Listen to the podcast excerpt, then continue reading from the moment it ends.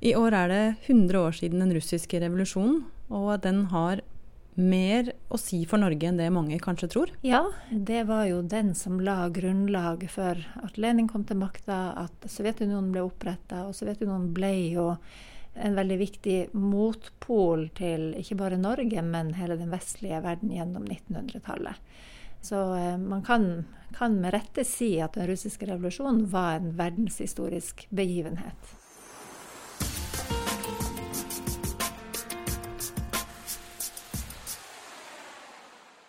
Kari Aga Mykkelbost, du er historiker her ved UiT. Du kan veldig mye om den russiske revolusjonen. Og eh, hva er grunnen til at vi eh, burde bry oss mer om det enn bare at det er en historisk begivenhet? Man kan si at den russiske revolusjonen har hatt eh, ringvirkninger gjennom hele 1900-tallet i form av det politiske regimet som kom til makta etter revolusjonen i Russland. Og så er det jo også noen interessante historiske paralleller mellom det politiske klimaet i Norge og i Vest-Europa for øvrig som var eh, rundt den russiske revolusjonen. Og på mange måter det man så i etterkant av eh, oppløsninga av Sovjetunionen på 1990-tallet. Altså i vår helt nære fortid. Og den parallellen den går på et, et veldig sterkt håp om at Russland etter de her revolusjonære hendelsene var på vei i en liberal retning. At man så konturene av et demokratisk Russland, som man ønska veldig sterkt i liberale, vestlige politiske miljø. Eh, så der er det en veldig tydelig historisk parallell, et håp om et demokratisk Russland som levde veldig sterkt i Norge etter februarrevolusjonen i 1917, og som eh, vi så igjen etter eh, Sovjetunionens oppløsning i 1991 og gjennom første del av 1990-tallet. De fleste av oss husker kanskje oktoberrevolusjonen bedre fra historietimene på skolen enn februarrevolusjonen, som du akkurat nevnte.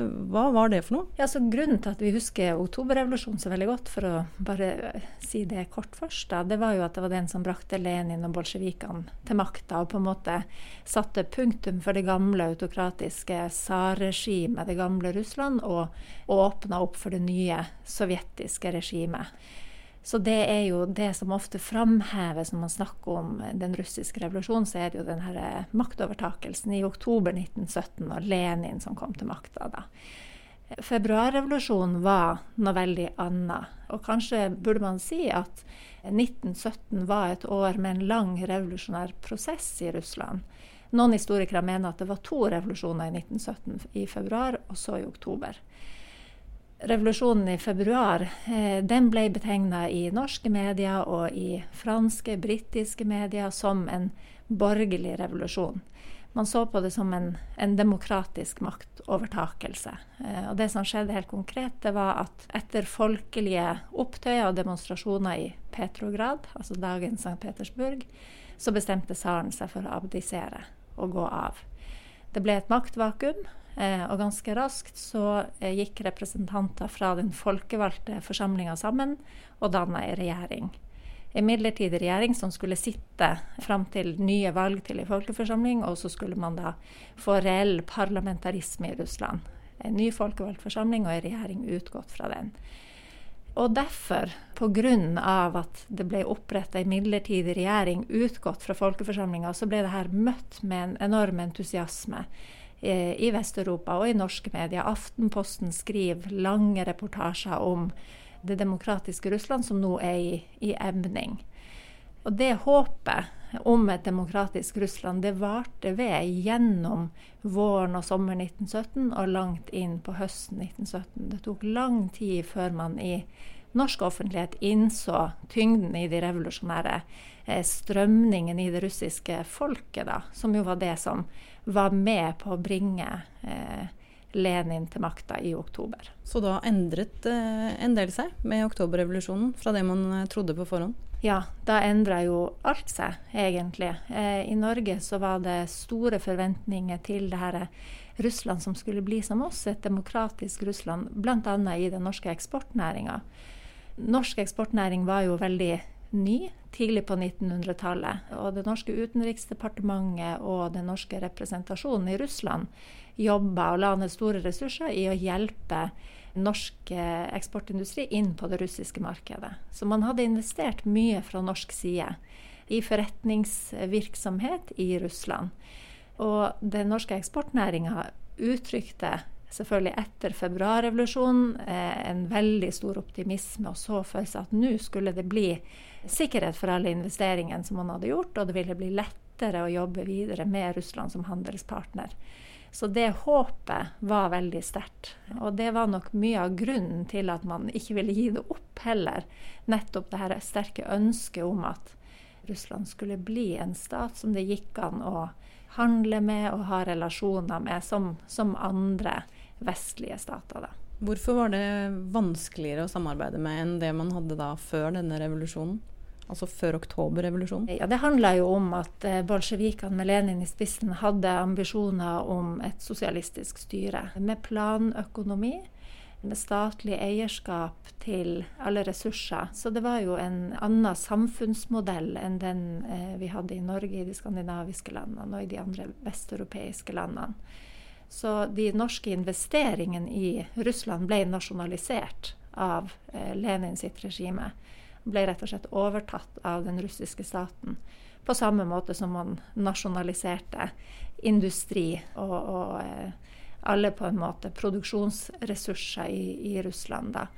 Så det var en langvarig prosess gjennom 1920-tallet for norske næringsinteresser å forsøke å få erstatninger for alle de investeringene man hadde gjort. Det lykkes man i veldig liten grad med.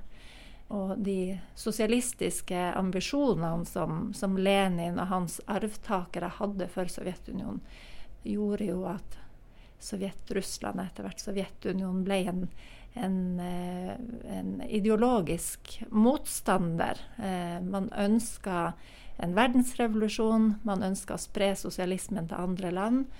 Og det skapte jo en revolusjonsfrykt i Vesten. Så, så det nye Sovjet-Russland ble et motstykke og ikke en partner, sånn som man hadde ønska seg fra, fra, eh, fra, norsk side. da. Og så tok det altså ganske mange år før det håpet her kom tilbake igjen, da, som du nevnte, på, på 90-tallet. Hva skjedde da? Hvorfor ble det ikke sånn som man hadde tenkt da heller? Altså, Russland eh, etter Sovjetunionens oppløsning var jo igjen, som tidlig på 1900-tallet, i en veldig vanskelig økonomisk situasjon. Så det var jo først og fremst den, den dårlige økonomien og behovet for å stabilisere økonomien som prega russisk politikk på 1990-tallet. Og de enorme svingningene var veldig vanskelig å håndtere og ga vanskelige kår for store deler av russisk eh, befolkning. Skal denne, dette jubileumsåret feires i Russland? Ja. Eh, jeg så senest her for et par dager siden en oversikt over hva russiske museer og arkiver og den typen institusjoner planlegger av markering. Og det er enorme mengder med utstillinger og fotomateriale og øyenvitneskildringer og sånn som hentes fram nå i, i jubileumsåret av ulike eh, institusjoner som driver med den typen historisk materiale. da.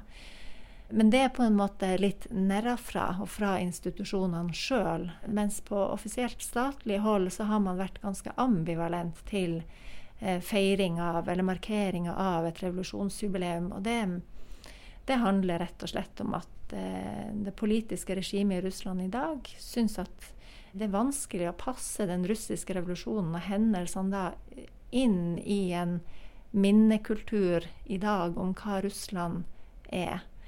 Putin og hans eh, regjering i dag er jo ikke arvetakere av Sovjetunionen, som ble resultatet av oktoberrevolusjonen i 1917. Og det der med å plassere revolusjonen inn som en historisk hendelse i en liksom lengre forståelse av hvorfor Russland har blitt det det har blitt i dag, hva Russland er i dag, og hvor man ønsker seg videre, det er vanskelig for russiske myndigheter. Så det gjenstår å se hva som kommer fra offisielt russisk hold når det gjelder å markere hendelsene i, i 1917. Skal du feire sjøl? Oi, så langt har jeg ikke tenkt. vi skal feire ved Universitetet i Tromsø. Vi har eh, starta arbeidet med en internasjonal konferanse som en markering av 1917-revolusjonen. Den skal gå av stabelen her ved Universitetet i Tromsø i, i slutten av oktober 2017. Så det blir jo da fagmiljøene her sitt bidrag til markeringa av 100-årsjubileet for revolusjonen. Og da har vi invitert eh, internasjonale kapasiteter og norske kapasiteter på eh, både de virkningene revolusjonen fikk i norsk politikk, og særlig de virkningene revolusjonen fikk i Nord-Norge, i den nordnorske arbeiderbevegelsen, det nedslaget den fikk her. Så det blir spennende. Da ønsker jeg deg et godt jubileumsår, og takk for praten. Takk skal du ha.